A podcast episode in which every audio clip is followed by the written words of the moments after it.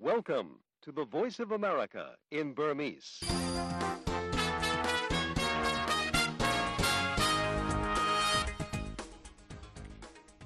မင်္ဂလာညချမ်းပါရှင်။ဘေးရန်တွေတော်တော်ကနေကင်းဝေးကြပါစေ။ VOA American တန်ရဲ့2024ခုနှစ်မတ်လ2ရက်စနေနေ့ညချမ်းမြန်မာဘာသာရေဒီယိုအစီအစဉ်လေးကို American ပြည်ထောင်စု Washington DC မြို့တော်ကနေတိုက်ရိုက်ထုတ်လွှင့်ပေးနေပါပြီရှင်။ ည9နာရီကနေ10နာရီထိ ထုတ်လွှင့်ပေးမယ့် ဒီစီစဉ်တွေကိုတော့ line meter 19 25နဲ့32တို့ကနေဖတ်ယူနာဆင်လို့ ရပါတယ်။ Facebook နဲ့ YouTube စာမျက်နှာတွေမှာလည်း ရုပ်သံအစီအစဉ်ဖြစ်တဲ့ဖြစ်ဆွဲတင်ဆက်ပေးနေပါတယ်။ကျွန်မ KB ထွေးပါ ဒီမနေ့အစီအစဉ်လေးကို တင်ဆက်ပေးပါမယ်ရှင်။ မင်္ဂလာကြကြပါခင်ဗျာကျွန်တော်ကတော့ဇော်ဝင်းလိုင်ပါဒီညမှာထူးခြားတဲ့သတင်းတွေကတော့မြမအရေးဆွေးနွေးပွဲဒီကနေ့ထမ်းလို့တော်မှာကျင်းပခဲ့ပါတယ်မြန်မာနဲ့နယ်စပ်ခြံစည်းရုပ်ခတ်မဲ့အိန္ဒိယဘဝအစိုးရရဲ့အစီအစဉ်ကိုနာဂလန်ပြည်နယ်ကကန့်ကွက်ပါတယ်အစ္စရေးနဲ့ဟာမတ်စ်အကြားအပြစ်ရရေးဆွေးနွေးပွဲတွေမနေ့ပြန်ပြန်စမယ်လို့အီဂျစ်နိုင်ငံကပြောပါတယ်ဒီသတင်းတွေအပါအဝင်တခြားထိတန်းရောက်သတင်းတွေကိုတော့မခင်ဖြူထွေးနဲ့အတူတင်ပြပေးမှာပါခင်ဗျာ ဟုတ်ကဲ့ပါဒီလိုထိတ်တန်းရောက်နောက်ဆုံးရသတင်းတွေကိုတင်ပြပေးမယ့်အပြင်ကိုပဲဒီပြီးခဲ့တဲ့3နှစ်တာအာနာသိမ်းထားတဲ့ကာလအတွင်းမှာလမ်းဘေးရောက်ကလေးငယ်တွေပိုးပြီးတော့များလာနေပါတယ်။ဒီတော့တက်ဘူးလေ။သူငယ်တိုင်းနားလမ်းပေါ်အဲ့လောက်ပဲတက်ဘူးလေ။အာကျောင်းကိုထွက်ပလိုက်တယ်ထုတ်ပလိုက်တယ်။ဆရာမကြီးပြောတော့ဖေးတွေကပြောတော့ကျောင်းကနေဆရာမကြီးထုတ်ပလိုက်တာတဲ့။ Frontier မြန်မာဝိုင်းတော်သားတွေက ပုံမှန်တင်ဆက်ပေးနေတဲ့ဒုအသက်အစီအစဉ်မှာ နောက်ပိုင်း အပြည့်စုံ နားဆင်ရဖို့ရှိပါတယ်။ဒါအပြင် စနေညတိုင်းမှာ တင်ဆက်ပေးနေတဲ့ ဦးတမောင်တန်းနဲ့ ဒီမိုကရေစီ လူခွင့်ရေးနဲ့ ခေတ်ပြိုင်ကဘာ နောက်လေရစီးပွားသတင်းများ အာရှနိုင်ငံရေးဥရုယာတီနဲ့ အနာဂတ်ကဘာ သတင်းတွေတဲကတုတအစတဲ့ အပတ်စဉ်ကဏ္ဍတွေကိုလည်း နောက်ပိုင်းမှာ တင်ဆက်ပေးပါမယ်။အခုကတော့ နောက်ဆုံးရသတင်းတွေကိုအရင်ဆုံးကိုစောဝင်းလိုက်နဲ့အတူ တင်ပြပေးပါအောင်မယ် ရှင်။ထိုင်းဆိုရက မြန်မာနိုင်ငံပေါ် ထားတဲ့ မူဝါဒကို အသစ်ချမှတ်ပြီး ပြန်စဖို့ ထိုင်းလွှတ်တော်အမတ်တွေက လိုလားနေကြတယ်လို့ ဒီကနေ့ ထိုင်းလွှတ်တော်အတွင်း ကျင်းပတဲ့ မြန်မာ့အရေး ဆွေးနွေးပွဲကို တက်ရောက်ခဲ့သူတချို့က VOA ကို ပြောပါတယ်။ထိုင်းလွှတ်တော်အတွင်းဒီကနေ့ကျင်း ဒီကနေ့နဲ့ မနက်ဖြန် ၂ ရက်ကြာ ကျင်းပမယ့် ဒီဆွေးနွေးမှုဟာ မြန်မာ့အရေးနဲ့ပတ်သက်လို့ သက်ဆိုင်သူတွေအချင်းချင်းကြား တွေ့ဆုံဆွေးနွေးမှုဖြစ်လာအောင် ဆောင်ရွက်ပေးတဲ့ ပထမအဆင့် ခြေလှမ်းဖြစ်ကြောင်း ဒီတွေ့ဆုံဆွေးနွေးမှုကို ဦးဆောင်ကျင်းပတဲ့ ထိုင်းအတိုက်အခံ Move Forward Party လွှတ်တော်အမတ် Rangsiman Rome ကပြောပါတယ်။ဒီဆွေးနွေးပွဲတက်ရောက်တဲ့ ရှေ့ပြေးသံအဖွဲ့က မခင်ဥမ္မာက VOA ကို မြန်မာပိုင်းကို အခုလို ဆွေးနွေးပွဲနဲ့ ပတ်သက်ပြီး ရှင်းပြပါတယ်။အရန်အားရစရာကောင်းတယ်လို့တော့ မြင်ပါတယ်လေ ဘာလို့လဲဆိုတော့ ကျမတို့ ဒီအာထိုင်းအာမှာလာဒီအခုလက်ရှိ ထိုင်းနိုင်ငံရဲ့အာနိုင်ငံရေးဥဆောင်မှုအပိုင်းက ကျမတို့နိုင်ငံ ပြည်သူတွေ ဒေါ်လာရေးလုပ်ပြီးစူးစမ်းနေတဲ့ဆိုတဲ့ဥစ္စာအပေါ်မှာအတိအမှတ်ပြုတယ်နားလည်အောင်စူးစမ်းတယ်အဖြေဝိုင်းထုတ်ပေးဖို့စူးစမ်းတယ်ပံ့ပိုးဖို့စူးစမ်းတယ်ဆိုတဲ့ဥစ္စာအင်မတန်မှအားရစရာကောင်းတဲ့ချက်ဖြစ်တယ်မြန်မာနိုင်ငံအတွင်းလက်တလောဖြစ်ပေါ်နေတဲ့စီးရေးပိဋကတွေကြောင့်အိုးအိမ်ဆွန့်ခွာထွက်ပြေးနေရသူတွေအတွက်လူသားချင်းစာနာမှုအကူအညီပေးရေးလမ်းကြောင်းဖွင့်ဖို့ကိစ္စကိုလည်းဒီကနေ့ဆွေးနွေးပွဲမှာအဓိက တင်ပြဆွေးနွေးခဲ့ကြတဲ့အကြောင်း ဆွေးနွေးပွဲကို တက်ရောက်သူတွေက ပြောပါတယ်။ဒါဟာ ထိုင်းနိုင်ငံက ဦးဆောင်တင်သွင်းတဲ့ အဆိုပြုချက်ဖြစ်ပြီး NUG ကြားကာလမျိုးသားညီညွတ်ရေးအစိုးရနဲ့ မြန်မာအတိုက်ခံတွေဘက်က လက်ခံသဘောတူပေမဲ့ဘယ်လိုပုံစံနဲ့ အကောင့်ထဲပေါ်မလဲဆိုတဲ့အပေါ်မှာတော့ သဘောထားကွဲပြားမှုတွေ ရှိနေပါတယ်။ဒီဆွေးနွေးပွဲကို အစောပိုင်းက ထိုင်းနိုင်ငံသားရေးဝန်ကြီးပမ် ပရီဖဟိဌာနုကုံကိုယ်တိုင်တက်ရောက်ဖို့ စီစဉ်ထားခဲ့ပေမဲ့လည်း မြန်မာစစ်ကောင်စီရဲ့ ဖိအားပေးမှုကြောင့် မတက်ရောက်ဖြစ်ဘူးလို့ သိရပါတယ်။မြန်မာနိုင်ငံမှာ စစ်အာဏာသိမ်းပြီးနောက်ပိုင်း မြန်မာအရေးနဲ့ပတ်သက်လို့ ထိုင်းလွှတ်တော်အတွင်း အတိုက်ခံ Move Forward ပါတီက ဦးဆောင်ပြီး ပထမဆုံးအကြိမ် ကျင်းပတဲ့ ဒီညီလာခံကို ထိုင်းလွှတ်တော်အမတ်တွေအပြင် NUG ကြားကာလ အမျိုးသားညီညွတ်ရေးအစိုးရ နိုင်ငံခြားရေးဝန်ကြီး ဒေါ်ဇင်မာအောင် ကုလသမဂ္ဂဆိုင်ရာ မြန်မာသံအမတ်ကြီး ဦးကျော်မိုးထွန်း ပြည်ပရောက် မြန်မာသတင်းမီဒီယာ အတော်များများက တာဝန်ရှိသူတွေ တတ်သိပညာရှင်တွေနဲ့ မြန်မာအရေး တက်ကြွလှုပ်ရှားသူတွေ ပါဝင် တက်ရောက်ခဲ့ကြပါတယ်ခင်ဗျာ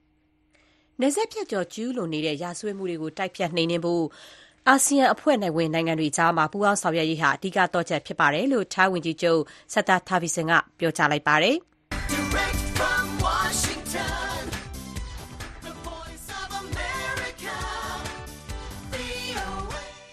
criminals move along the border. If you try to catch them in Thailand, which have been very successful, they move to Burma.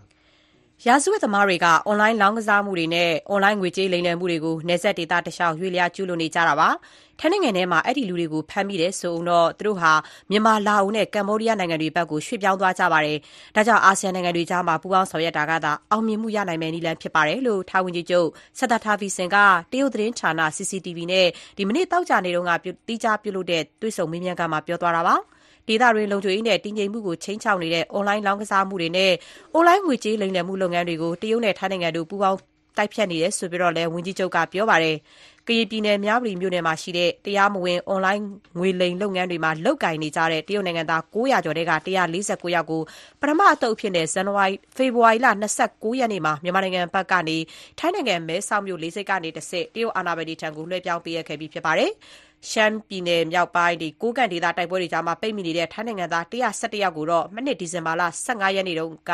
မြန်မာအာဏာပိုင်တွေက တာချီလိတ်မဲဆိုင်နေဆက်တရားကနေတဆင့် ထိုင်းနိုင်ငံဘက်ကို ပြန်ပို့ပေးခဲ့ပါတယ်ရှင်။အိန္ဒိယနဲ့ မြန်မာနယ်စပ်အကြား နယ်စပ်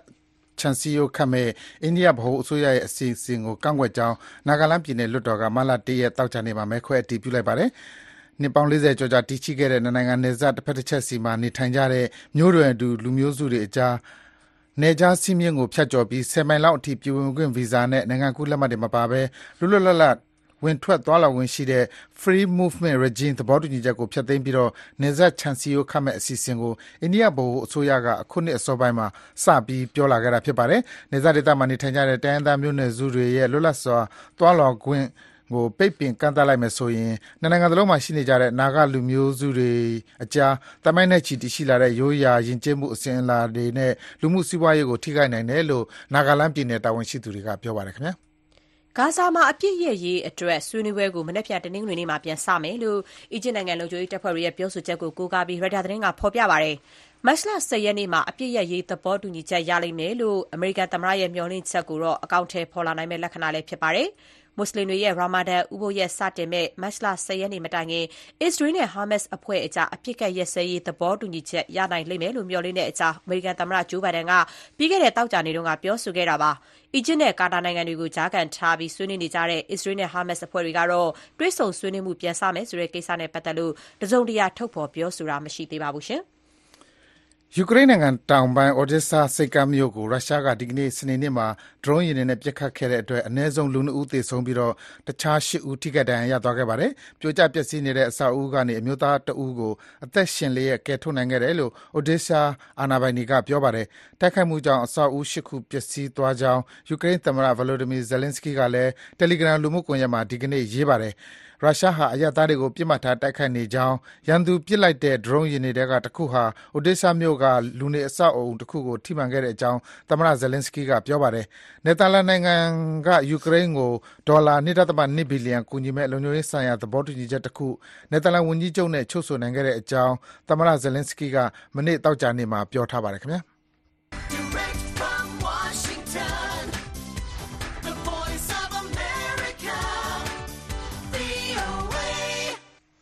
နောက်ဆုံးရ မြန်မာနဲ့ နိုင်ငံတကာ သတင်းတွေကို ကိုဇော်ဝင်းလှိုင်နဲ့အတူပြောပြပေးခဲ့တာပါ။အခုဆက်ပြီး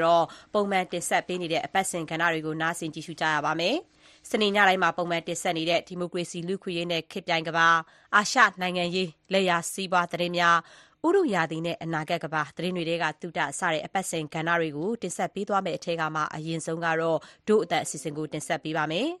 မြန်မာနိုင်ငံမှာ ပြီးခဲ့တဲ့ ၃ နှစ်ကျော်အတွင်း စားဝတ်နေရေး မပြေလည်လို့ ပညာရေးနဲ့ အလှမ်းဝေးပြီး လမ်းဘေးမှာ ကြုံရာကျဘန်း လုပ်နေကြရတဲ့ ကလေးငယ် အများအပြား ရှိနေပါတယ်။ပညာရေး လက်လှမ်းမမီနိုင်ဘဲ ဖြစ်နေကြတဲ့ ဒီကလေးငယ်တွေအကြောင်း Frontier Myanmar ဝိုင်းတော်သားတွေက ဒီတပတ် ဒို့အသံအစီအစဉ်မှာ တင်ဆက်ပေးထားပါတယ်။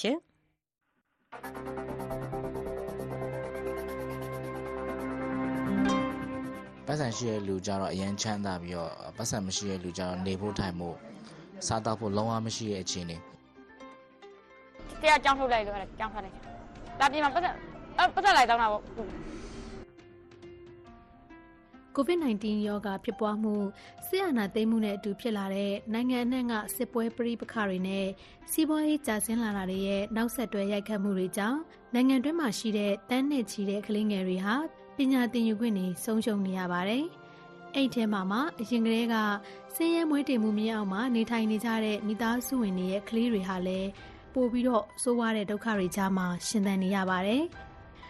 မင်္ဂလာပါရှင်မြန်မာနိုင်ငံတဝန်းကလူခွင့်ရေးနဲ့ပတ်သက်တဲ့အကြောင်းအရာတွေကို တင်ဆက်ပေးနေတဲ့ဒို့တန်ပတ်စင် podcast အစီအစဉ်ကနေကြိုဆိုပါရစေဒီအစီအစဉ်ကို Foundation Hero တဲကကူညီပံ့ပိုးပေးထားတာပါဒီတစ်ပတ်အစီအစဉ်ကိုတော့ဒို့တန်ရဲ့ဖွဲ့သားတွေကဆက်လက်တင်ဆက်ပေးသွားမှာပါစောင်းမအတွင်းလုံခြုံရေးအခြေအနေတွေကြောင့်နာမည်တွေကိုပြောင်းလဲအသုံးပြုထားပါတယ်ရှင်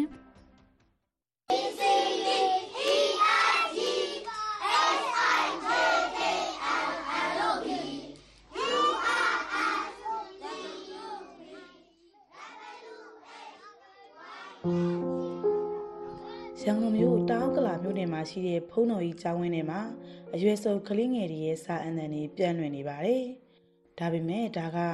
ဖုံးတော်ကြီးတင်စာတင်ကျောင်းတစ်ခုတော့မဟုတ်ပါဘူး။ရည်ချမ်းစစ်ဆိုတဲ့ပရဟိတအဖွဲ့ကလမ်းဘေးကလေးငယ်တွေရဲ့ပညာရေးအတွက်ထူထောင်ထားတဲ့လမ်းဘေးစာတင်ဝိုင်းလေးဖြစ်ပါတယ်။သူတို့ဖွဲ့ကလမ်းဘေးကလေးငယ်တွေအတွက်စာတင်ဝိုင်းလေးတွေအရင်တုန်းကလည်းလုပ်ပေးခဲ့ဘူးပေမဲ့စာတင်မှုနေရာအခက်အခဲတွေရှိခဲ့ပါတယ်။ အခုတော့စာတင်ဝိုင်းတွေကိုလမ်းဘေးမှာဒါမှမဟုတ် တခြားစာသင်လို့ရတဲ့နေရာတွေမှာဘုံကြီးကျောင်းဝင်းနေတဲ့မှာစသဖြင့်ရတဲ့နေရာမှာရတယ်လို့စာသင်ပေးနေကြပါတယ်။မောင်မျိုးကဒီစာသင်ဝိုင်းတွေမှာစာသင်နေတာ9လခန့်ရှိနေပါပြီ။အသက်15နှစ်အရွယ်မောင်မျိုးကမိသားစုတဲ့မွေးချင်းမောင်နှမ10ယောက်ရှိတဲ့နဲ့3ယောက်မြောက်ကလေးဖြစ်ပါတယ်။သူ့အကူအကြီးဆုံးက လွန်ခဲ့တဲ့နှစ်အနည်းငယ်ကအိမ်ကနေထွက်သွားခဲ့တယ်လို့ဒုတိယမြောက်အကူကလည်းမတန်ဆွမ်းသူဖြစ်ပါတယ်။သူတို့မိသားစုကဆင်းရဲနွမ်းပါကြပါတယ်။ကျမ်းမာရေးရလမ်းလျှောက်သွားလာရမှာအခက်ခဲရှိတဲ့ဖခင်ဖြစ်သူကဒံဦးတန်ခွက်အဟောင်းရောင်းဝယ်တဲ့အလုပ်လုပ်ကင်ပေမဲ့ဒါကလည်းမိသားစုစာဝတ်နေရေးအတွက်မလုံလောက်ပြန်ပါဘူး။ ဒါကြောင့်ကလေးတွေကလည်းမိဘနဲ့အတူပလုံလိုက်ကောက်တယ်လို့တခြားလုပ်လို့ရတဲ့အလုပ်မျိုးစုံနဲ့ပတ်စံရှာပြီးမိသားစုစာဝတ်နေရေးကိုထောက်ပံ့ပေးကြရပါတော့တယ်။ကလေးတွေဟာလမ်းပေါ်မှာပဲအချိန်ကုန်ကြရတာများပါတယ်။တခါတလေဆိုမောင်မျိုးလဲလမ်းပေါ်အေးရတဲ့အခါတွေလည်းရှိတတ်ပါတယ်။ဘေးကအိမ်ကနေစာပဲတက်နေကြောင်းပဲတက်နေဘာမှမလုပ်ဘူးပဲအိမ်မနေချတာပညာပဲလာတင်တာအိမ်မနေချလဲဘူးမဆိုင်တော့လုံးမလုံးလို့တဲ့ လုံးလုံးလုံးကလည်းပယံလုံးလုံးကလည်းပယံမထွက်လိုက်လို့ဆိုပြီးတော့အိမ်အဲ့အိမ်မနေချတာပစ္စည်းတွေကုန်ပြောက်လို့လေပြောက်တိုင်းတောက်ပဲလွှဲချမောင်မျိုးကသူ့ထက်အရွယ်ငယ်တဲ့ဘဝတူကလေးတွေနဲ့အတူစာသင်ရပါတယ်။စာသင်ခန်းတွေနဲ့ဝေးနေတာကြာပြီဖြစ်ပေမဲ့လည်းမောင်မျိုးကစာဆက်သင်ဖို့စိတ်အားထက်သန်တဲ့ကလေးပါ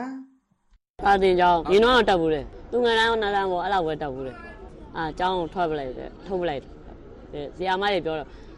ဖေးတွေကပြောတော့ကျောင်းကနေဆရာမတွေထုတ်ပလိုက်တာတဲ့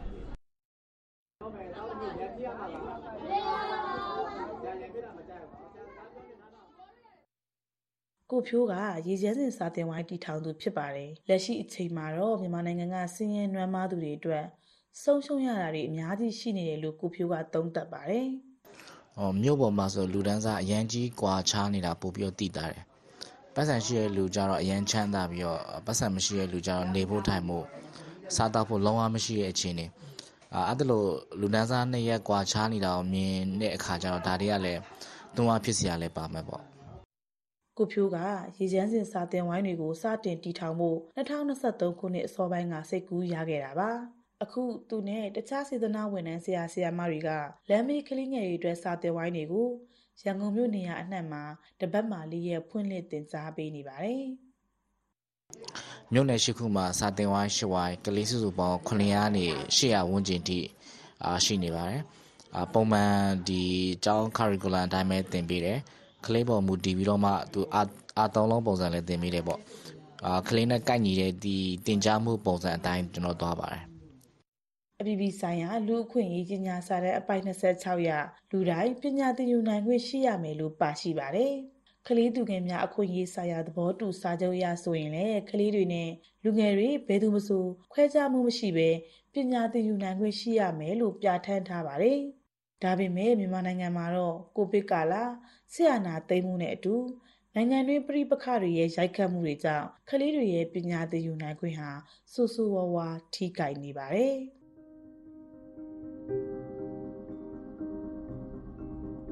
ကမ္ဘာဘဏ်ကတော့2022ခုနှစ်မှာမြန်မာနိုင်ငံရဲ့လူဦးရေ40ရာခိုင်နှုန်းဟာ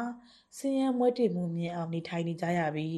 ဒီထက်မြင့်တက်လာနိုင်ပွဲရှိရလို့ခန့်မှန်းချက်ထားပါတယ်။ဒါအပြင်2023ခုနှစ်ကစစ်တမ်းတစ်ခုရဲ့တွေ့ရှိချက်မှာလည်းအသက်6နှစ်ကနေ18နှစ်ကြားကကလေးငယ်28ရာခိုင်နှုန်းဟာကျောင်းပြင်ပရောက်သွားကြပြီးဒီအရေးအတွက်က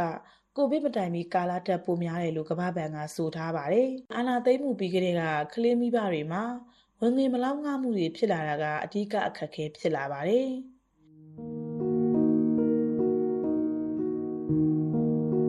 ပြောရမယ်ဆိုမောင်စောမိဘတွေလိုမျိုးပါ။သူ့ဖေကအယောင်းဝယ်လုပ်ပေမဲ့အလုပ်ပုံမှန်မရပါဘူးဒါကြောင့်မောင်စောကို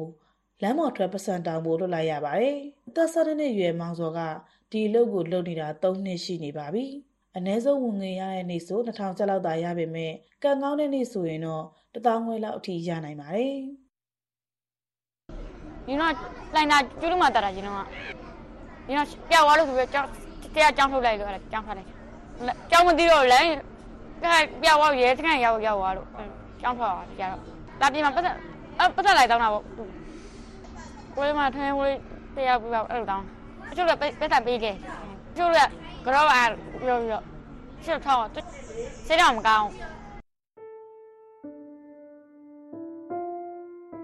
မောင်စောကရေချမ်းစင်စာတင်ဝိုင်းနေစီကိုသူအချိန်ရရင်ရတယ်လို့စာတင်ဖို့ရောက်လာတတ်ပါတယ်။အခုဆိုရန်ကုန်မှာရှိတဲ့ရေချမ်းစင်စာတင်ဝိုင်းတွေမှာလမ်းဘေးဈေးရောက်တဲ့ကလေးငယ်တွေတောင်ရင်စားတောက်တဲ့ကလေးငယ်တွေ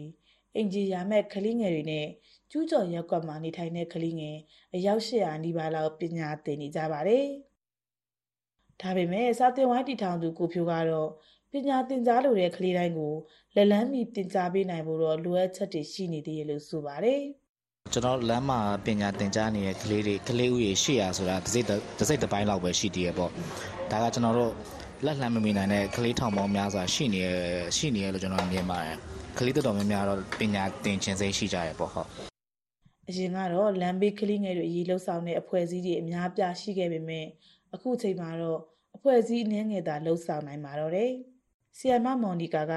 အန်ယူဂျီရဲ့အမျိုးသမီးလူငယ်နဲ့ကလေးသူငယ်ရေးရာဝန်ကြီးဌာနက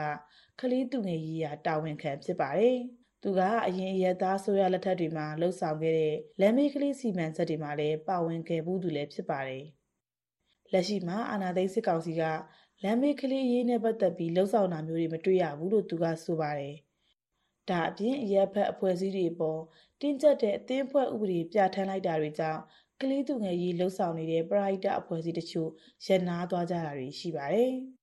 ဘာကြောင့်ဒါတွေကဆက်မသွားနိုင်တော့တာလဲဆိုရင်ကျမတို့လက်ရှိမှာပေါ့နော်ကျမမြင်တယ်ဒီစစ်ကောင်စီရဲ့ဒီခုနလက်ရှိအဖွဲ့အစည်းတွေပေါ်မှာတင်းကျပ်ထားတာတွေပေါ့နော်နောက်ပြီးတော့သူတို့ကိုမယုံတဲ့အတွက်ခုနရမုံငွေတွေဟိုစီစဉ်မှုတွေနည်းလာတာတွေတစ်ဖက်မှာလည်းလိုအပ်ချက်တွေပေါ့ကဘာနဲ့အဝမ်းမှာလိုအပ်ချက်များလာသလိုမြန်မာပြည်မှာဆိုလို့ရှိရင်လည်းအထူးသဖြင့်တော့ဒီစစ်ဘေးရှောင်တွေဘက်ကိုပို့ပြီးတော့ပို့ပြီးတော့အားဆိုင်နေကြတဲ့အပိုင်းတွေရှိတဲ့အခါကျတော့ဒီလက်မော်ကလေးအခြေအနေလေးတွေကဟိုပေါ့နော်လက်ရှိမှာအရန်ကြီးလုတ်ပေးနိုင်တဲ့ စွမ်းအားတွေလည်းနည်းသွားသလိုလုတ်ပိုင်လုတ်နိုင်ခွင့်တွေလည်းနည်းနေတယ်လို့ကျမတို့ယူဆတယ်ပေါ့နော်ဒါအပြင်စာဝတ်နေရေးအတွက်လမ်းမတွေပေါ်မှာရုန်းကန်နေရတာကြောင့်အနေရတွေ့နိုင်ကြီးတွေကိုလည်းနေ့စဉ်ရင်ဆိုင်နေကြရပါတယ်။အသက်15နှစ်ရွယ်မောင်မျိုးဖို့တော့လမ်းပေါ်မှာရှင်သန်ရမယ့်သူအတွက်အနေရတွေကိုရင်ဆိုင်ဖြည့်ရှင်းနိုင်ဖို့အမြင်အရွယ်ရောက်လာဖို့လိုနေပါပြီ။ဒါပေမဲ့အ ਨੇ ဆုံးတော့မောင်မျိုးအတွက်လောကကြီးကြောင်းတင်ယူနေနိုင်ပါတယ်။ သူကြီးလာတဲ့အခါသူ့ကိုရှောက်ခဲ့တဲ့လမ်းတိုင်းချက်ချီနီအဖွဲသားတူဖြစ်ကျင်သူပါ။ဒီရေချမ်းစင်စာတင်ဝိုင်းတွေကနေတဆင့်သူ့အိမ်မက်တွေစီရအောင်သွားနိုင်မယ်လို့မောင်မျိုးကမျှော်လင့်နေပါတယ်ပြောတယ်ဆရာတွေနဲ့ဆရာမတွေနဲ့အကုန်လုံးတငယ်ချင်းတွေနဲ့အကုန်လုံးပြောတယ်အေးရောက်ရင်နားတွေညီကျွန်တော်ဖြစ်ချင်တယ်မဖြစ်မချင်ရတော့ကျွန်တော်ကြိုးစားအောင်ပါတက်ချင်ဝင်နေဝင်ဖို့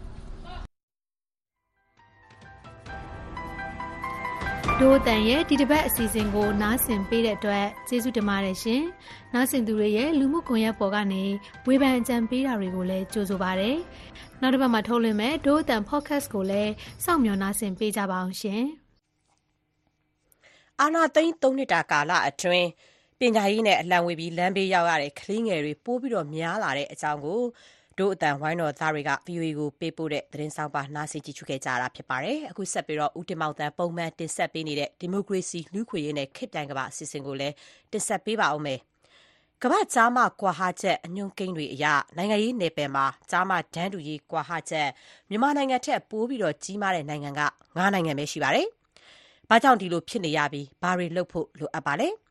အမျိုးသမီးရေးတက်ကြွလှုပ်ရှားသူမက်ခင်လေးနဲ့ ဦးတင်မောင်တန်းက မေးမြန်းပြီးတော့ဒီတစ်ပတ် ဒီမိုကရေစီ လူ့ခွေရေးနဲ့ ခေတ်ပြိုင်ကမ္ဘာအစီအစဉ်မှာ တင်ဆက်ပေးထားပါတယ်ရှင်။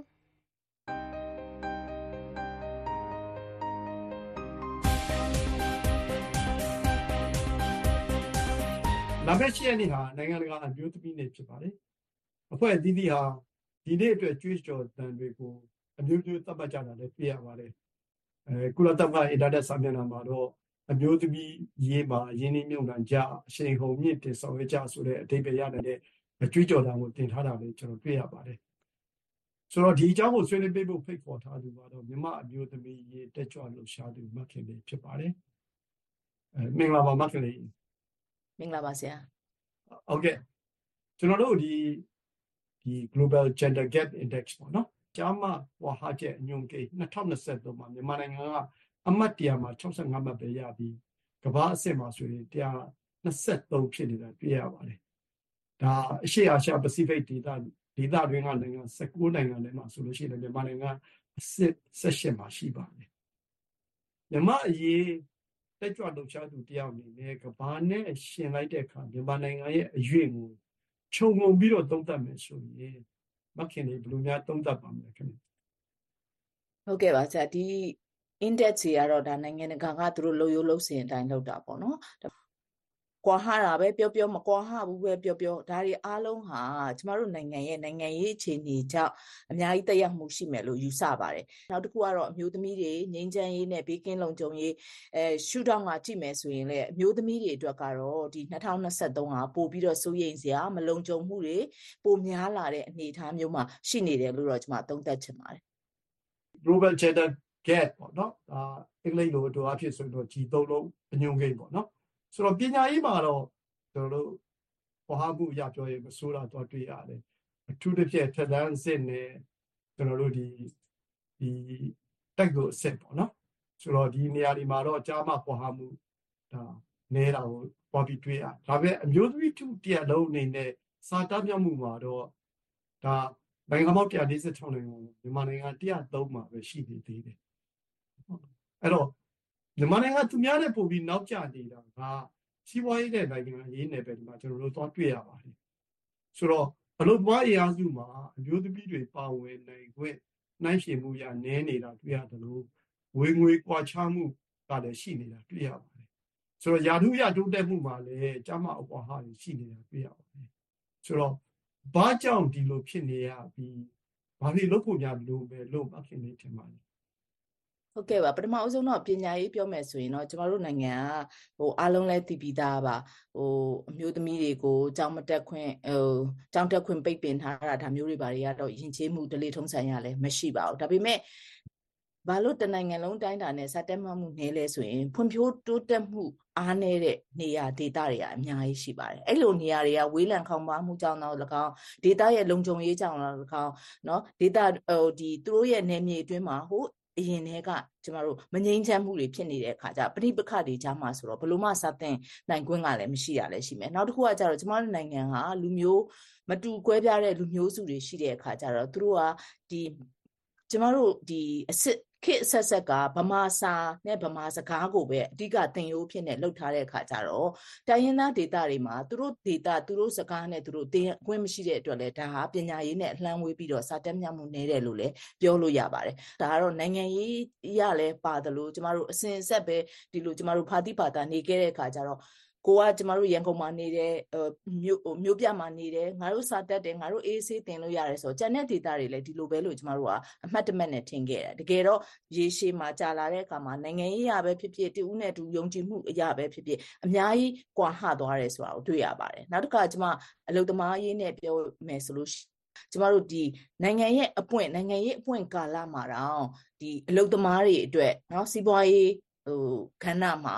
သူတို့ကိုအာမခံချက်အကြေဝပေးနိုင်တဲ့ဥပဒေမျိုးတွေမူဝါဒမျိုးတွေမလုပ်နိုင်ခဲ့ပါဘူးဟိုအယက်သားအစိုးရ NLD အစိုးရလက်ထက်မှာတော့တချို့ကိစ္စတွေကိုဆောင်ရွက်ဖို့လုပ်ပေမဲ့သူတို့သုံးပွင့်ဆိုင်ဆောင်ရွက်မှုတွေမှာလည်းဟိုအောင်မြင်တဲ့ဆောင်ရွက်မှုတွေတိတ်မရခဲ့ပါဘူးအဲ့ဒီခါကျတော့အလုပ်သမားတွေရဲ့အခွင့်အရေးကဝင်ငွေတွေမငှဘူးအခြားအခွင့်အရေးတွေပေါ့အလုပ်လုပ်ငန်းခွင်အခွင့်အရေးတွေရှိမယ်သူတို့ရတဲ့ရတတ်တဲ့အခွင့်အရေးတွေပါမရခဲ့ဘူးလို့ကျွန်မပြောလို့ရပါတယ်နော်ဆိုတော့ ဒီတိုင်းတာချက်ပါပဲနိုင်ငံရေးနယ်ပယ်ကိုတိုင်းတာတာအစိုးရအဖွဲ့ပေးဝကြီးရာထူးတွေတဲ့လွတ်တော်အမတ်နေရာတွေပါအမျိုးသမီးနဲ့အမျိုးသားတွေရဲ့အချိုးအစားကိုလည်းကြည့်ခဲ့တာတွေ့ရတယ်146နိုင်ငံမှာမြန်မာနိုင်ငံကအဆင့်141ဖြစ်နေတာတော့ပြီးတော့လည်းတွေ့ရတယ်ဆိုတော့တော်တော်ကြီးကိုကမ္ဘာမှာတော်တော်နောက်ကျနေတယ်နော်ဘာကြောင့်ဒီလိုဖြစ်ရတယ်လို့ထင်ပါသလဲ ဟုတ်ကဲ့ဆရာဒီ2021အထိ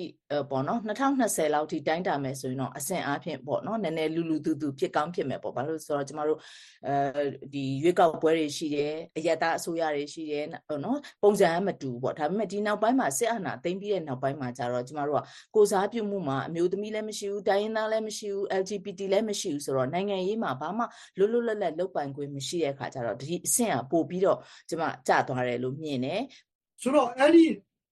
အခြေအနေတွေမှာဒါပါတီတွေမှာကောအမျိုးသမီးတွေတိုးမြင့်ပါဝင်နိုင်အောင်ဆောင်ရွက်မယ်ဆိုတဲ့မူဝါဒတွေရှိခဲ့ဘူးပါကြလား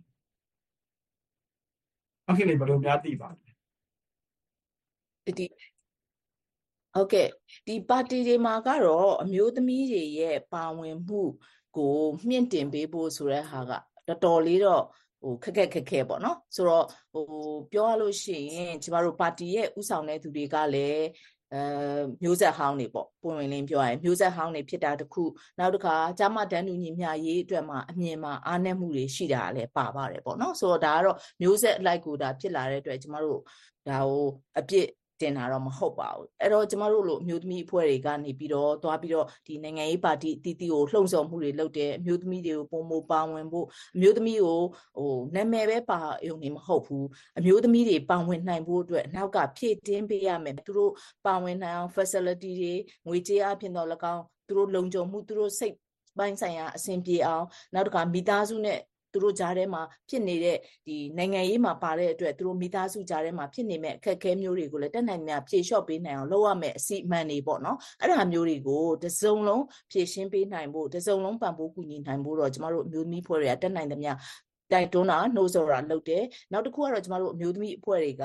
အဲ့ဒီကာလတွေမှာဆိုရင်ဒီပါတီအသီးသီးကနိုင်ငံရေးပါတီအသီးသီးကလူငယ်တွေအမျိုးသမီးတွေကိုဒီ ကိုရီကိုသွေးမြင့်တင်တဲ့တင်တန်းတွေပေါ့နော်။နော်ခေါင်းဆောင်မှုတင်တန်းကိုရီကိုသွေးမြင့်တင်တဲ့တင်တန်း exposure ရအောင်နိုင်ငံတကာကိုလွှတ်တဲ့အစီအစဉ်တွေဒါမျိုးတွေလည်းကျမတို့အများကြီးလုပ်ခဲ့တယ်။အဲ့တော့ပြောရလို့ရှိရင်ပါတီတွေမှာတော့အာ တိကျတဲ့မူဝါဒဆိုတာတော့ကျမတို့ပုံပွင့်လင်းပြောရင်တိတ်မရှိသေးဘူးဒါပေမဲ့ရွေးကောက်ပွဲမှာတော့အမျိုးသမီးဖြစ်ရမယ်လူငယ်ဖြစ်ရမယ်တိုင်းရင်းသားဖြစ်ရမယ်အဲဘွဲရဖြစ်ရမယ်ဆိုတဲ့ဟာမျိုးနဲ့တော့အကြမ်းမြင်သတ်မှတ်ပြီးတော့ကိုယ်စလဲလောင်းတွေကိုတော့ဖိတ်ခေါ်တာရှိတာပေါ့နော် NLD ပါတီဆိုရင်ဒါပေမဲ့တိုင်းရင်းသားပါတီဖြစ်တဲ့ SNLD တို့ဘာတို့ကတော့ဟိုအ ਨੇ စုလည်းဖြစ်တယ်သူ့ရဲ့ data နဲ့သူလုတ်တဲ့အခါကျတော့တနိုင်ဖြစ်တဲ့အခါကျတော့သူတို့ကတော့ပို့ပြီးတော့ဒီလိုမူဟာရမျိုးနဲ့တည်တည်ချာချာစဉ်းစားနိုင်တယ်လို့တော့ကျွန်မယူဆပါတယ် တို့ဒီတိုက်တာချက်ပါလဲခေါင်းဆောင်နေရပေါ့ဆုံးဖြတ်ပေးတဲ့နေရာတွေပေါ့ယူပြီးတွေရောက်တာနေတာကိုသွားပြီးတွေ့ရတယ်။ဘာမှ technical နဲ့ဒီပညာပိုင်းဆိုင်ရာတဲ့ကြွကျင်မှုတင်ပါတော့အမျိုးသမီးနဲ့အမျိုးသားပွားချက်ကအမျိုးသမီးတွေကတော့ပိုနေတာကိုပေါဝင်မှုပိုနေတာကိုသွားပြီးတွေ့ရတယ်။ဒါပေမဲ့အဲ့လိုဤပညာပိုင်းရကိုကြွကျင်မှုရကိုအမျိုးသမီးတွေရှိပါရဲ့နဲ့ဘာကြောင့်ခေါင်းဆောင်နေရမှာဘုံမရှိရဘူး။ဒါကတော့နောက်ဆုံးမေးခွန်းပါ။ ဟုတ်ကဲ့ပါဆရာအဓိကတော့ကျမတို့ကကျမတို့ရှိမှာကတော့ပိုဝါရကြီးစိုးမှုကအရန်အကောင်းတာပေါ့နော်ပိုဝါရကြီးစိုးမှုကတော့ဒါကတော့ကဘာမှာလဲဒါကတော့အဲရှိနေတာပါပဲဒါပေမဲ့ကျမတို့နိုင်ငံရဲ့ယဉ်ကျေးမှုဒလေးထုံးစံတွေနဲ့နိုင်ငံရဲ့ဖွံ့ဖြိုးတိုးတက်မှုအားနည်းတဲ့ခါကျတော့ဒါကိုတိုက်ဖြတ်ဖို့အတွက်ကျမတို့ကအသိပညာပေးတဲ့လုပ်တွေနော်အဲ့ဒါတွေကိုကျမတို့ကြည်ကြည်ပြန့်ပြန့်သိ မလုံနိုင်ခဲ့ဘူးမလုံနိုင်ခဲ့တဲ့အခါရဲ့နောက်တစ်ခုကတော့အစဉ်အဆက်ရကိုပဲနိုင်ငံရေးတို့ခေါင်းဆောင်မှုတို့ဆိုတာအမျိုးသားတွေနဲ့ပဲဆိုင်တယ်အမျိုးသမီးတွေကဒီနိုင်ငံဒီကဏ္ဍတွေမှာခက်ဝေးဝေးပဲနေသင့်တယ်ဆိုတဲ့အမြင်အယူဆအစွဲတွေကလည်းရှိတယ်ဒီအခုပြောရလို့ရှိရင်တော့ကျမတို့နိုင်ငံရေးအပွင့်ကာလချင်းတိုလေးမှာကျမတို့အများကြီးမလုံနိုင်လိုက်ဘူးပေါ့နော်ဆိုတော့ဒါပေမဲ့ရှေ့လျှောက်မှာတော့အခုတော်လန်ရေးကာလဖြစ်တဲ့တိုင်းပြည်ရဲ့ဟို အမှောင်ကာလထဲမှာပဲကျမတို့အားရှိတာကတော့အမျိုးသမီးတွေကပို့ပြီးတော့အမျိုးသားတွေနဲ့နိုင်ငံရေးမှာပဲဖြစ်ဖြစ်စစ်ရေးမှာပဲဖြစ်ဖြစ်အကုန်လုံးငါတို့လည်းလုံနိုင်နေဆိုတဲ့အတွေးခေါ်ရသွားပြီအဲ့ဒီအတွက်ရှေ့လျှောက်ကျမတို့တိုင်းပြည်ကပို့ပြီးတော့လမ်းကြောင်းမှန်ပေါ်မှာဟိုရောက်လာမယ်ဆိုရင်တော့ဒီထက်ပိုကောင်းတဲ့ဟိုအမျိုးသားအမျိုးသမီးဟိုခေါင်းဆောင်မှုမှာပဲဖြစ်ဖြစ်ဂျာမတန်းတူညီမျှရေးမှာပဲဖြစ်ဖြစ်ပိုကောင်းတဲ့အရွေးတစ်ခုကိုရမယ်လို့တော့ကျွန်မယုံကြည်ပါတယ်ဆရာဟုတ်ကဲ့ကျေးဇူးအများကြီးတင်ပါတယ်မခင်လေး ဟုတ်ကဲ့ပါဆရာအခုဆွေးနွေးတင်ပြသွားခဲ့တဲ့ဒီကတော့ဓမ္မအမျိုးသမီးကြီးတက်ကြွလှုပ်ရှားမှုမခင်လေးဖြစ်ပါတယ်ကျွန်တော်တို့ပါ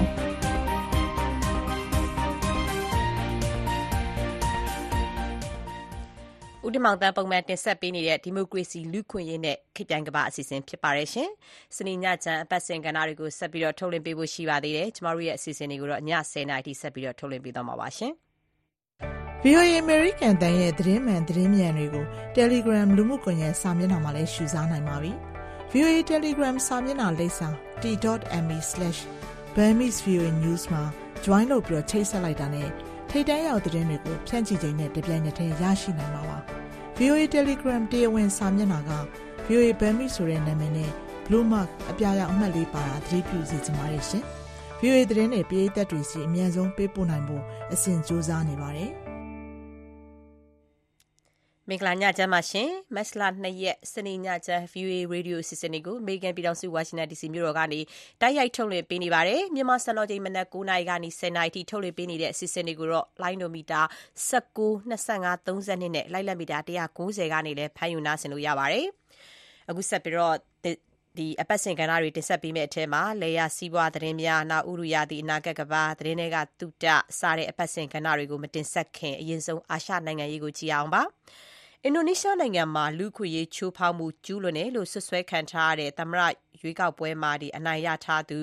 ဗိုလ်ချုပ်ဟောင်း Prabowo Subianto ကို ကြယ်လေးပွင့် ဗိုလ်ချုပ်အဖြစ် ဂုဏ်ထူးဆောင်ရာထူး တိုးပေးလိုက်တဲ့အပေါ် ဝေဖန်မှုတွေ ထွက်လာပါတယ်။ဖိလစ်ပိုင်သမ္မတ Marcos Jr ကတော့ မဟာဗျူဟာမြောက် ပူးပေါင်းဆောင်ရွက်ရေးအတွက် သြစတြေးလျနိုင်ငံကို ခရီးထွက်ခဲ့ပါတယ်။ဂျပန်နဲ့ အိန္ဒိယကတော့ ပုံမှန် စစ်ရေးလေ့ကျင့်မှုတွေ လုပ်ပါတယ်။ဒီလို တပတ်တာ အာရှသတင်းတွေကို စုစည်းပြီး ကိုဇော်မိုးကျော်က ဒီသီတင်းပတ် အာရှနိုင်ငံရေး အစီအစဉ်မှာ တင်ဆက်ထားပါတယ်။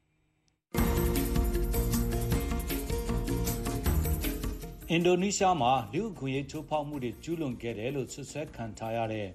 ရွေးကောက်ပွဲအနိုင်ရသမရလောင်းဗိုလ်ချုပ်ဟောင်းပရာဘိုဝိုဆူပီယန်တိုကိုဂုံတူးဆောင်ကျယ်လေးဝင့်ဗိုလ်ချုပ်ကြီးအဖြစ်ယာရုတိုးပေးလိုက်တဲ့အပေါ်ဝေဖန်မှုတွေထွက်ပေါ်လာပါတယ်။သူ့ကိုဖေဖော်ဝါရီလ28ရက်နေ့ကအခမ်းအနားနဲ့ယာရုတိုးပေးခဲ့တာပါ။ပရာဘိုဝိုဆူပီယန်တိုဟာတစ်ချိန်ကသူ့ရဲ့ရောက်ခမဖြစ်ခဲ့သူအာနာရှင်ဆူဟာတိုလက်ထက်မှာ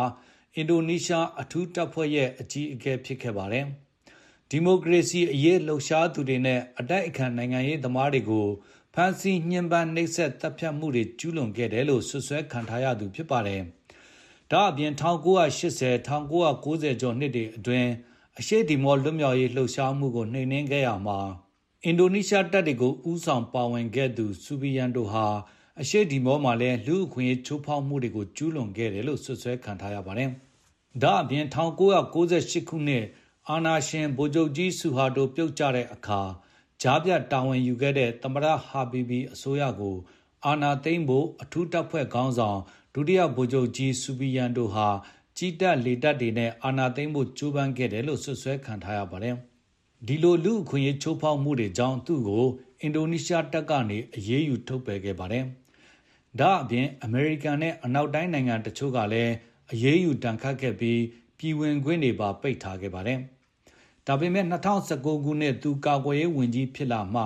အမေရိကန်နဲ့အဲ့ဒီနိုင်ငံတွေကပြည်ဝင်ခွင့်ပြန်ပေးခဲ့တာပါ။အသက်82နှစ်ရှိပြီဖြစ်တဲ့လက်ရှိကာကွယ်ရေးဝန်ကြီးဗိုလ်ချုပ်ကြီးဟောင်းပရာဘိုဆူဘီယန်တိုဟာပြီးခဲ့တဲ့ဖေဖော်ဝါရီလ14ရက်သမရရွေးကောက်ပွဲမှာလက်ရှိသမရဝီဒိုဒိုရဲ့သားနဲ့တွဲဖက်ကာအနိုင်ရရှိခဲ့တဲ့အတွက်သူဟာမကြာမီအင်ဒိုနီးရှားရဲ့သမရဖြစ်လာတော့မှာပါ။ စစ်တပ်ကအရေးယူထုတ်ပယ်ခံထားရသူတယောက်ကိုဂုံတူးဆောင်ဗိုလ်ချုပ်ကြီးပေးလိုက်တာဟာဘလို့မှမဖြစ်နိုင်ဘူးလို့မျှတမှုလို့အတိတ်ပဲရတဲ့ Impartial လူအခွင့်အရေးအဖွဲ့ကအမှုဆောင်အရာရှိ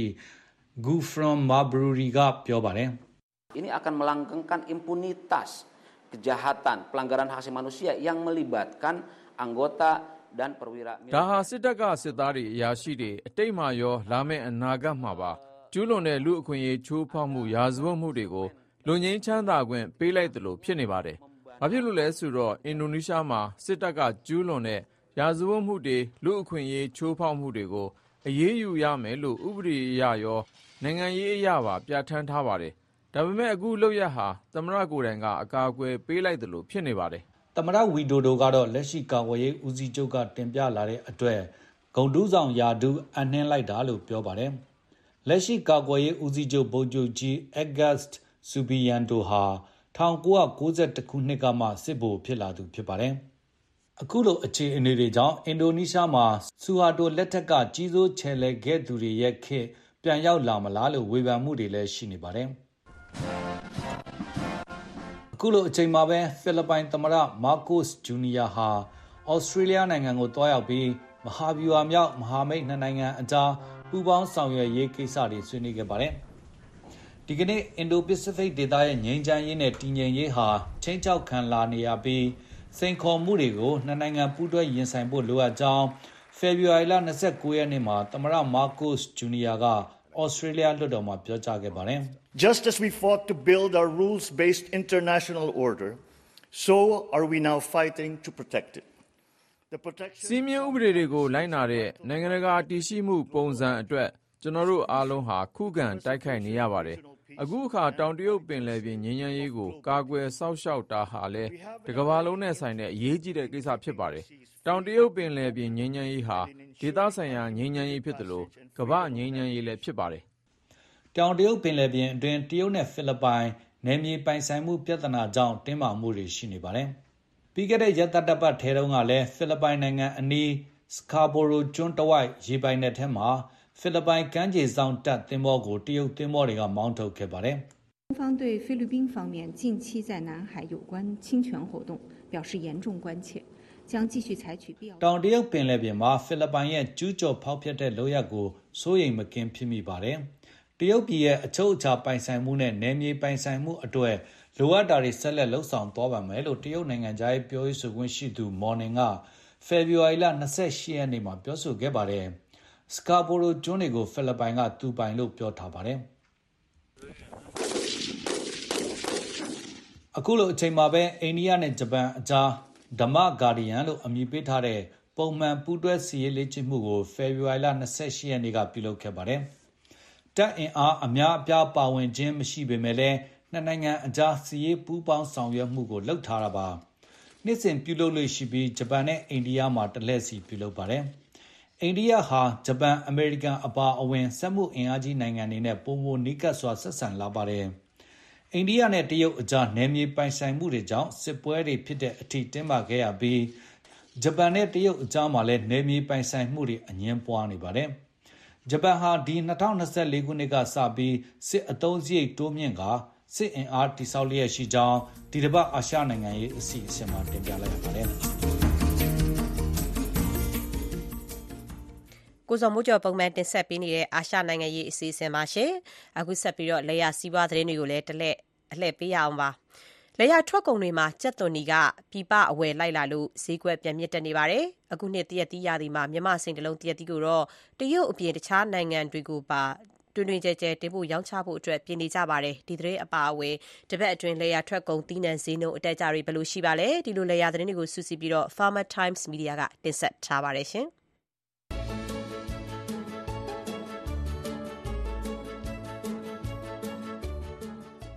မင်္ဂလာပါလေယာစီးပွားသတင်းများစီစဉ်ကနေ ကြိုဆိုပါရစေလေယာဆက်ပြူရေး ချစ်သူများရှင်လန်းချမ်းမြေကြပါစေရှင်။ ဒီတစ်ပတ်အတွက်လေယာစီဝါသတင်းတွေကိုကိုမြင့်မင်းဟန်တဲ့သူကျမမီစပယ်ကတင်ဆက်ပေးတော့ပါမယ်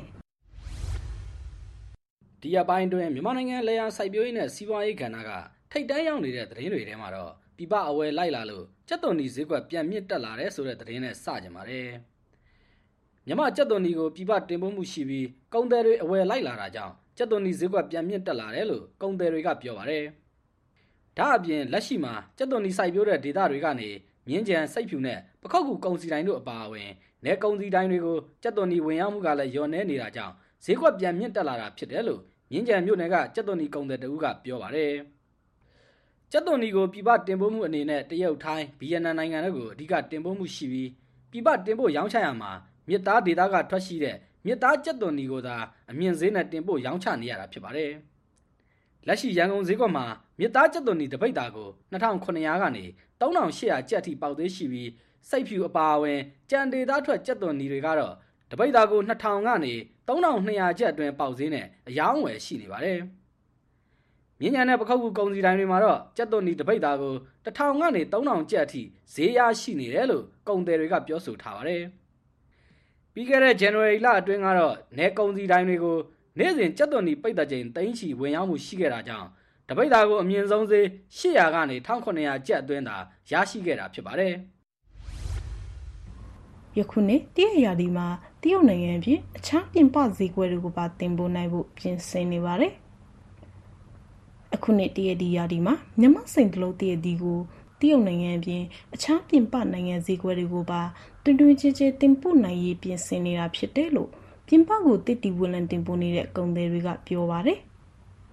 ပြီးခဲ့တဲ့နေ့တွေကအရေးတွေးကောင်းတဲ့အသီးတွေကိုဈေးကောင်းပေးဝယ်ကြပြီးမယ်အတီးတေးအသီးညက်အသီးနှုတယ်ဆိုရင်ဈေးနှိမ်ခံနေရတာကြောင့်အရေးတွေးကောင်းမွန်တဲ့အတီးတွေကိုအေးခန်းတူလောက်ရောက်ပါတယ်ကွန်တိန်နာကားတွေနဲ့တင်ပို့နိုင်ဖို့ပြင်ဆင်နေတာဖြစ်တယ်လို့မန္တလေးမြို့ကတည့်ရဲ့ကုန်သည်တူကပြောပါတယ်လက်ရှိမြန်မာနိုင်ငံမှာစိန်လုံးရွှေဟင်းသားရင်ခွဲမချစ်စုရွှေတောင်ပထမငမောက် စိမ့်ချိုစားတဲ့တည့်ဒီအမျိုးသားတွေကိုစိုက်ပြူထုတ်လုပ်တင်ပို့ရောင်းချနေရဖြစ်ပြီးစိန်တလုံးတည့်ဒီကတော့ပြင်ပဈေးကွက်အခိုင်အမာရရှိထားပါတယ်မြန်မာတည့်ဒီကိုနေစဉ်ဧပြီလကုန်ကစလို့ပြင်ပကိုတင်ပို့ရောက်ချလေးရှိပြီးတနင်္ကိုတန်ချိန်၄တောင်ကနေ၅တောင်ကြားတင်ပို့နေတာဖြစ်တယ်လို့ကုန်သည်တွေကပြောဆိုကြပါတယ်မြမထောပတ်တီပြည်ပတင်ပို့နိုင်ဖို့လိုအပ်ချက်တွေရှိနေသေးတယ်လို့မြန်မာနိုင်ငံထောပတ်တီအသင်းကပြောဆိုထားပါတယ် မြန်မာနိုင်ငံကထွက်ရှိတဲ့ထောပတ်တီတွေကိုနိုင်ငံတကာကိုတင်ပို့နိုင်ဖို့ Global GAB လက်မှတ်ကမ္ဘာလုံးဆိုင်ရာစိုက်ပျိုးရေးအလေးကျင့်ကောင်းများစနစ်အပါအဝင်တခြားလိုအပ်ချက်တွေရှိနေသေးတာကြောင့်ထိုင်းနိုင်ငံဈေးကွက်တစ်ခုတည်းကိုသာတင်ပို့နေရတယ်လို့မြန်မာနိုင်ငံထောပတ်သီးစိုက်ပျိုးထုတ်လုပ်တင်ပို့ရောင်းချသူများအသင်းကပြောပါတယ်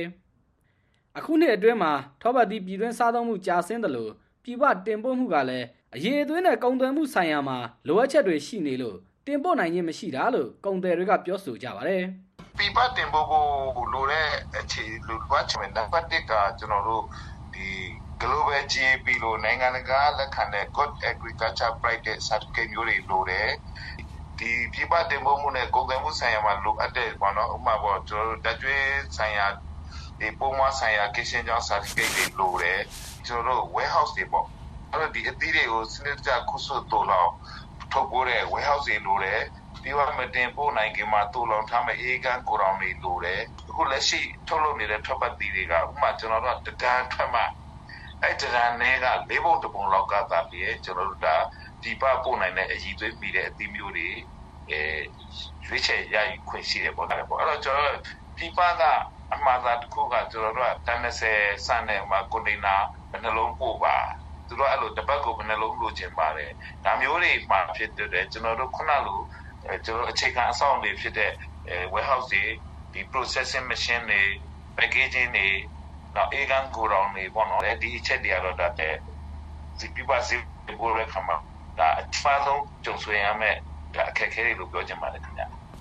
ထောပတ်သီးဆိုင်တောင်သူတွေအနေနဲ့73စီအပါအဝင်တွင်းအားစုဈေးနှုန်းတွေကြီးမြင့်လာတာကြောင့်ဓာတ်မြေဩဇာနဲ့ပိုးသက်ဆေးတွေလုံလုံလောက်လောက်မသုံးစွဲနိုင်ခဲ့တဲ့အတွက်အသီးအရေသေးတွေကြာဆင်းကုန်တာလို့တောင်သူတွေကဆိုပါတယ်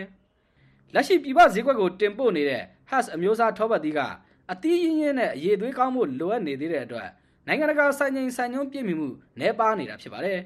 ။အခုနှစ်ထောပတ်သီးရာသီမတိုင်မီကတော့မြမထောပတ်သီးကိုမလေးရှားနဲ့အိန္ဒိယနိုင်ငံတွေကနေဝယ်ယူဖို့ကမ်းလှမ်းခဲ့ပေမဲ့အသီးအယေသွေးကြောင့်ထိုင်းနိုင်ငံဈေးကွက်ကိုသာတင်ပို့နေရတယ်လို့ဆိုပါတယ်။ထောပတ်သီးလက်ရှိထိုင်းနိုင်ငံကိုတင်ပို့ထားတဲ့အခြေအနေကတော့ကျွန်တော်တို့တန်3500ဝန်ကျင်ပါရှိပါတယ်။ ခါလိုက်တဲ့ဆိုင်တော့ဒီကထိုင်းနိုင်ငံကိုပြီးတော့တင်ပို့ဖြစ်တယ်ပေါ့နော်တင်ပို့တယ်။ဘာလို့ဒီတွဲမှာစားမှုအစင်းတဲ့အတွက်ကျွန်တော်ဒီပါကိုအားကိုးတာပေါ့နော်အဲ့တော့ထိုင်းနိုင်ငံကိုတင်ပို့တယ်ဆိုတော့မှလည်းကျွန်တော်တို့အထီလိုက်ပါမနဲ့စကုံလမ်းကြောင်းကနေပဲအများဆုံးတင်ပို့ပဲဖြစ်ပါတယ်ထိုင်းနိုင်ငံကိုတင်ပို့ရမှာလဲလန်ခီအခက်အခဲကြောင့်ထောပတ်သီးအမဲ့လွန်ပြီးစွန့်ပစ်ရတာတွေလည်းရှိတယ်လို့ရှမ်းပြည်နယ်တောင်ပိုင်းကြောက်တလုံးမြို့နယ်ထောပတ်သီးဥက္ကဋ္ဌခွန်အာကာကပြောပါတယ် ထောပတ်သီးစိုက်ပျိုးစရိတ်ကတရေကကိုပြမ်းမြ740ဝန်းကျင်ရှိပြီးဒေတာသီးတစ်လုံးကို250ကနေ600ကျပ်လောက်ထိပေါက်ဈေးရှိပါတယ်။ပြည်ပကိုတင်ပို့နေတဲ့ Has အမျိုးအစားကတော့ပြီးခဲ့တဲ့နှစ်ထောပတ်သီးရာသီချိန်က1ကီလိုကို8000ကျပ်လောက်ထိဈေးကောင်းရရှိခဲ့ပေမဲ့အခုနှစ်မှာတော့1ကီလိုကိုအများဆုံး9000ကျပ်အထိသာဈေးရရှိနေတာဖြစ်ပါတယ်။အခုဆက်ပြီးဖေဖော်ဝါရီလ20ရက်နေ့ကနေ29ရက်နေ့ထိ ဈေးကွက်တွင်တက်ကြနေပြီဖြစ်သွားတဲ့လေယာထွက်ကုန်သီးနှံဈေးနှုန်းတွေကိုပြောပြပေးချင်ပါတယ်။ပဲစင်ငုံကတော့အိန္ဒိယဘက်ကဝယ်နေနေရကြောင့်ဈေးစတိုက်ပြန်ကျဆင်းနေပါတယ်။ရန်ကုန်ပြည်တော်ဈေးကွက်မှာဖေဖော်ဝါရီလဒုတိယပတ်ကပဲစင်ငုံရဲ့အာစီတန်ကိုကျပ်သိန်း40ကျော်ထိပေါက်ဈေးရှိခဲ့ပြီးမြဲဖေဖော်ဝါရီလ20ရက်နေ့မှာတော့ပဲစင်ငုံရဲ့အာစီတန်ကို38သိန်းဝန်းကျင်ထိဈေးထိုးကျဆင်းသွားပါတယ်။ ဈေးကွက်ထဲပဲစင်ငုံအစ်စ်ဝင်ရောက်မှုတွေလည်းရှိနေရကြောင်းတပတ်အတွင်းကျပ်2သိန်းဝန်းကျင်ထိထပ်မံကျဆင်းလာတာဖြစ်တယ်လို့ကုန်သည်တွေကပြောပါတယ်။စတိုက်အကျရှိခဲ့တဲ့ပူကုန်ဘဲတွေကိုရန်ကုန်ဝက်လက်တွေကလည်းစောင့်ကြည့်ဝယ်ယူနေကြတာကြောင့်လက်တလောအယောင်းဝယ်အေးနေတာဖြစ်တယ်လို့လည်းကုန်သည်တွေကသုံးသပ်ကြပါတယ်။အိန္ဒိယပို့ကုန်ပဲတစ်မျိုးဖြစ်တဲ့မပဲကလည်းဈေးပြန်ကျဆင်းနေပါတယ်။ ရန်ကုန်ပြည်အောင်ဈေးကွက်မှာပြီးခဲ့တဲ့ဖေဖော်ဝါရီလ20ရက်နေ့ကမပဲ FAQ RC တန်းကို33သိန်း2000ကျပ်လောက်ထိပေါက်ဈေးရှိခဲ့ပြီးဖေဖော်ဝါရီလ28ရက်နေ့မှာတော့တဒံကို29သိန်း9000ကျပ်ကိုပြန်ကျဆင်းသွားတာဖြစ်ပါတယ်။တပတ်အတွင်းမဖဲ FAQ RC တဒံကိုကျပ်3သိန်းခွဲဝန်းကျင်ထိပြန်ကျဆင်းသွားတာပါ။စဖိုချောင်းတီးနဲ့ဖြစ်တဲ့ကျက်သူဖြူကျူကုတ်ကတော့ဈေးအသက်ဘက်မှာဆက်ရှိနေပါတယ်။ ရန်ကုန်ပြည်တော်ဈေးကွက်မှာဖေဖော်ဝါရီလ29ရက်နေ့ကကျက်သူဖြူကျူကုတ်ရှယ်တပိတ်တာကို9800ကျပ်လောက်ပေါက်ဈေးရှိနေပြီးတပတ်အတွင်းတပိတ်တာကို400ကျပ်လောက်ဈေးမြင့်တက်လာပါတယ်။ကျက်သူဖြူရှန်ကတော့ဈေးကွက်ထဲပစ္စည်းရှာပြီးအယောင်းဝယ်အေးနေတာကြောင့်တပိတ်တာကို16500ကနေ19800ကျပ်ကြားဈေးငိမ်နေပါတယ်။အခုတင်ဆက်ပေးထားတဲ့ဒီနယ်ဈေးနှုန်းတွေကအချိန်နဲ့မျှပြောင်းလဲမှုတွေရှိနိုင်ပါတယ်ရှင်။ ဒါကတော့လေယာစီးပွားသတင်းတွေကို Farmer Times Media ကစူးစီးတင်ဆက်ပေးခဲ့တာဖြစ်ပါတယ်ရှင်။လေယာစီးပွားသတင်းတွေပြီးတော့ဥရုယာတီဘက်ကိုလည်း တလဲကြည့်အောင်ပါ။ဥရောပတိုက်ရဲ့ ကုန်းမြေနဲ့ ပင်လယ်ရေထုတွေကဇီဝမျိုးကွဲမျိုးစုံကို ကာကွယ်ထိန်းသိမ်းရေး မူကြမ်းတရက်ကိုတော့ဖေဖော်ဝါရီလကုန်ပိုင်းလောက်ကပဲ မဲခွဲအတည်ပြုလိုက်ကြပါတယ်။အခုပြဋ္ဌာန်းလိုက်တဲ့ မူကြမ်းမှာတော့ ပြည်ပကနေ ဈေးနှုန်းချိုသာတဲ့စီးပွားရေးဒီစိုက်ပျိုးရေးကုန်ပစ္စည်း တင်ပို့မှုကို ကန့်သတ်လိုက်တဲ့အတွက်ကြောင့်မလို့ဥရောပတိုက်တဝန်က စိုက်ပျိုးတောင်သူတွေကန့်ကွက်နေတဲ့ကြားမှာကိုပဲ အခုလို အတည်ပြုလိုက်တာပါဥရုယာတိနဲ့ အနာဂတ်ကဘာအစီအစဉ်မှာ နန်းလောင်ကတင်ဆက်ထားပါတယ်ရှင်။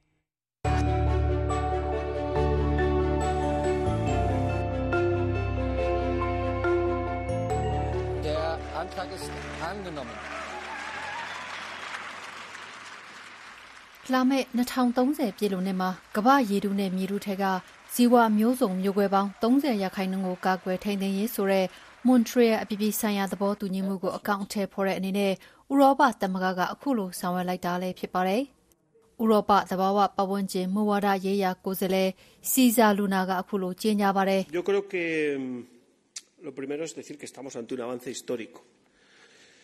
esta vez sí.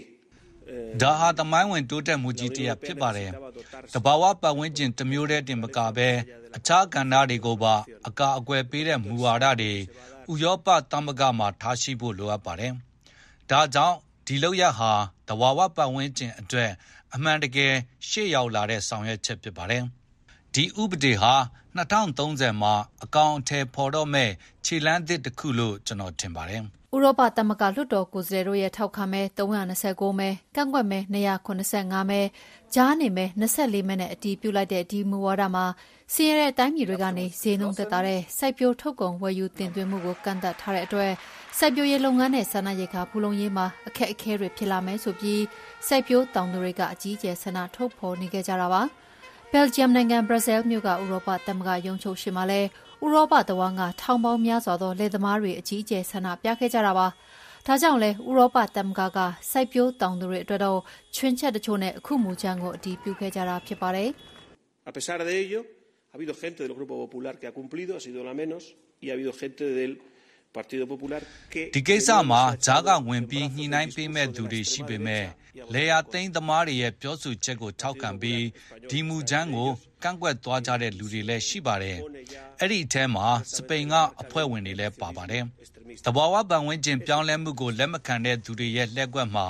ကစားခံရတဲ့လို့ပဲပြောရမှာပါ။ဒီနေရာမှာ စပိန်နိုင်ငံကအဖွဲ့တွေပါဝင်နေတာကို မြင်ရတာ စိတ်မကောင်းပါဘူး။ လယ်သမားတွေအပေါ် ကြိုးနီစနစ်နဲ့ လွှမ်းမိုးမှုတွေရှိလာနိုင်တဲ့အတွက်ဆိုပြီး EU ပါလီမန်မှာ အကြီးဆုံးဥပဒေပြုအဖွဲ့ဖြစ်တဲ့ ဥရောပပြည်သူ့ပါတီက ဒီဥပဒေမူကြမ်းကို ဆန့်ကျင်ကန့်ကွက်ခဲ့တဲ့ကြားမှာပဲအခုလို အတည်ပြုနိုင်ခဲ့ကြတာလည်းဖြစ်ပါတယ်။ဒါဟာ ဥရောပသမဂ္ဂရဲ့ သဘာဝပတ်ဝန်းကျင်ဆိုင်ရာ အကြီးဆုံးမူဝါဒတရပ်လည်းဖြစ်ပါတယ်။အဖွဲ့ဝင်နိုင်ငံတွေက2030ပြည့်လို့နှစ်မှာ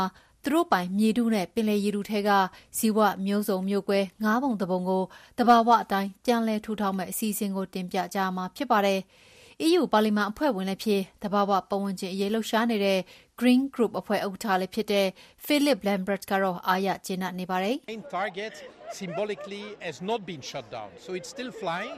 It is imperfect, it is incomplete, it lacks ambition, but at least we have a foundation on which to ဒါမပြီးဆုံးသေးပါဘူးဆက်ပြီးလောက်ကင်တွားရအောင်မဲ့ကိစ္စတွေဖြစ်ပါတယ်တဘာဝပတ်ဝန်းကျင်ရေးရာမူဝါဒတွေကမပြီးပြည့်စုံသေးပါဘူးဒီမှချက်တွေကင်းမဲ့နေသေးတယ်လို့ဆိုနိုင်ပါတယ်ဒါပေမဲ့လည်းရှေ့လုပ်ငန်းစဉ်တွေအတွက်အ ਨੇ ဆုံးအခြေခံအုတ်မြစ်တွေတော့ချလိုက်နိုင်ပါပြီ လက်ရှိမှာတော့ဥရောပရဲ့သဘာဝပတ်ဝန်းကျင်နဲ့ဇီဝမျိုးကွဲ87ရာခိုင်နှုန်းဟာဆိုးဝါးတဲ့အခြေအနေနဲ့ရင်ဆိုင်နေရတာဖြစ်တဲ့အတွက်ရှေ့ဆက်ဆောင်ရွက်ရမယ့်လုပ်ငန်းတွေထဲမှာကာဗွန်ဒိုင်အောက်ဆိုက်ဓာတ်ငွေ့တွေစုပ်ယူပေးနေတဲ့စိတ်မြေတောတွေကိုပြန်လည်ထူထောင်ရေးလိုလုပ်ငန်းမျိုးတွေလည်းပါဝင်ပါတယ်။အခုပြဋ္ဌာန်းလိုက်တဲ့မူဝါဒအရဆိုရင်တော့ဇီဝဂေဟစနစ်ပြုပြင်ထိန်းသိမ်းရေးလုပ်ငန်းတွေကို2030ခုနှစ်မှာ30ရာခိုင်နှုန်း 2040မှာ60ရာခိုင်နှုန်းနဲ့2050မှာတော့90ရာခိုင်နှုန်းအထိဆောင်ရွက်သွားကြရမှာဖြစ်ပါတယ်။အဲ့ဒီလိုထိခိုက်လာတဲ့သဘာဝပတ်ဝန်းကျင်ကိုရေရှည်ပြုပြင်ထိန်းသိမ်းစောင့်ရှောက်နိုင်အောင်လို့ Nature Restoration Law ဆိုတဲ့မူကြမ်းကိုတော့2022ခုနှစ်နှစ်လယ်လောက်ကတည်းကဥရောပသမဂ္ဂမှာတင်သွင်းထားတာဖြစ်ပါတယ်။တဘာဝပတ်ဝန်းကျင်ထိန်းသိမ်းရေးမှာဥရောပငွေကြေး1ယူရိုရင်းနှီးမြှုပ်နှံလိုက်ရင် အမြတ်အဆုံးက8ယူရိုအထိအနည်းဆုံးပြန်ရမှာဖြစ်တဲ့အတွက်စီးပွားရေးအရလည်းထင်ရှားတဲ့အကျိုးအမြတ်တွေထွက်လာမယ်လို့ဥရောပကော်မရှင်ကပြောဆိုထားပါတယ်။အခုပြဋ္ဌာန်းချက်ကိုဥရောပကောင်စီကနောက်ဆုံးသဘောတူညီပြီးရင်တော့တဘာဝပတ်ဝန်းကျင်နဲ့ဥသူရာသီပြောင်းလဲမှုထိန်းချုပ်ရေးလုပ်ငန်းတွေကိုစတင်အကောင့်အထည်ဖော်နိုင်ကြတော့မှလည်းဖြစ်ပါတယ်။ကျွန်မနန်းလာပါ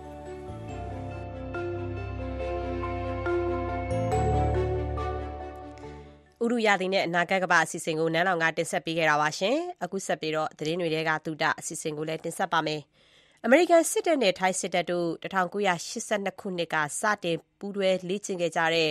Cobra Go ရွှေမွေဟောက် စစ်ရေးလေ့ကျင့်မှုကအခုတော့ဒီအာရှနိုင်ငံ အတော်များများ ပါဝင်နေပါပြီ။ကမ္ဘာမှာတက်တန်းအရှိဆုံး ပူးတွဲ စစ်ရေးလေ့ကျင့်မှုအကြောင်းကိုတော့မညွညွလွင်က သတင်းတွေကတူတအစီအစဉ်မှာ တင်ဆက်ထားပါတယ်။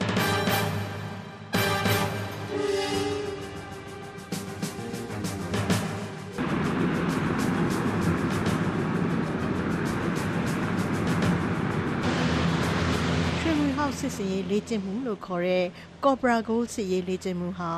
နိုင်ငံတကာပူးပေါင်းစစ်ရေးလေ့ကျင့်ကြတဲ့လှုပ်ရှားမှုတွေထဲမှာတော့အရှိကြဆုံးလေ့ကျင့်မှုတစ်ခုဖြစ်ပါတယ်။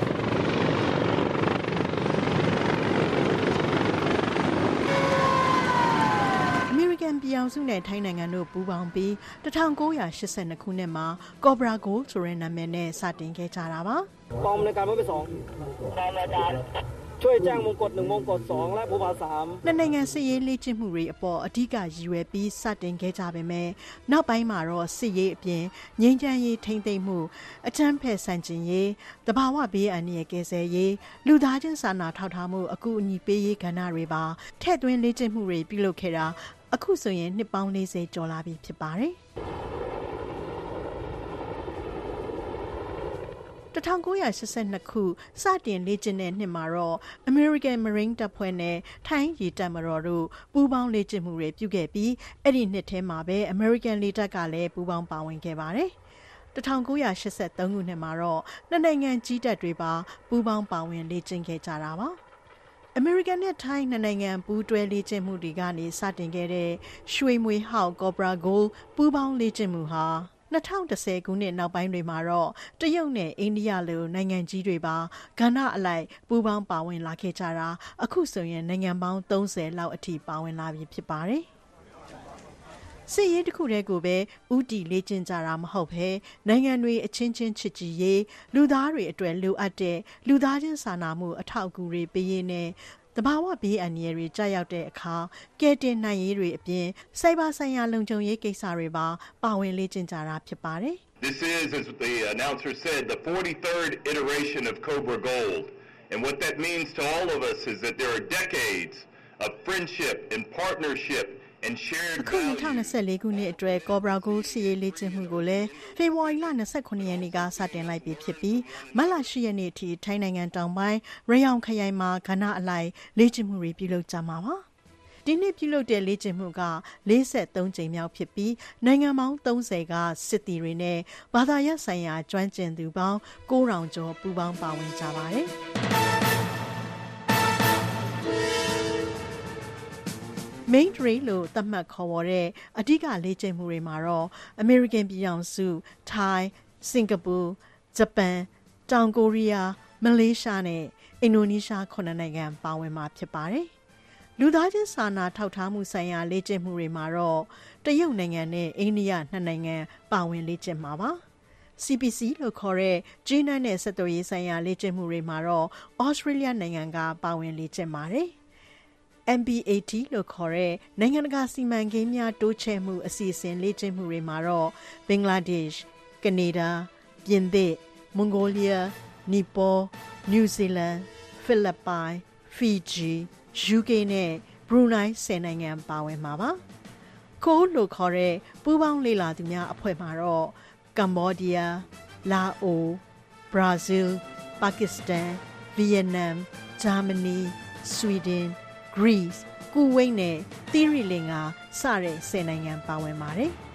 မြန်မာနိုင်ငံကတော့2023ခုနှစ်ကစပြီးလေးလာသူနိုင်ငံများအဖွဲ့မှပါဝင်ခဲ့ပြီးပေမဲ့2021စစ်အာဏာသိမ်းလိုက်တဲ့နှစ်ကစလို့တက်ရောက်ပါဝင်ဖို့ဖိတ်ကြားခြင်းမခံခဲ့ရတော့ပါဘူးရှင်။ အာရှနိုင်ငံတွေအများအပြားပါဝင်တဲ့ ကမ္ဘာသက်တမ်းအရှိဆုံးစီးလေ့ကျင့်မှုအကြောင်းကိုမညွညွလင်က ဒီတစ်ပတ်ဒီသတင်းတွေကသုတအစီအစဉ်မှာ တင်ဆက်ပေးခဲ့တာပါရှင်။ဒီစီစဉ်တဲ့အတူ VOA က ထုတ်လွှင့်တဲ့ အပတ်စဉ်ကဏ္ဍတွေ သတင်းနဲ့ သတင်းစောင်းမတွေကို ပြန်ပြီးတော့နားဆင် ကြည့်ရှုရှင်နေဆိုရင်တော့ VOA website လိပ်စာ burmese.voanews.com အပြင် VOA ရဲ့ Facebook နဲ့ YouTube စာမျက်နှာတွေမှာလည်း နားဆင် ဖတ်ရှုလို့ရပါတယ်။အခုကတော့ သတင်းချင်းချုပ်ကို ကိုစော်ဝင်းလိုင်ကတလဲတင်ပြပေးပါအောင်မယ်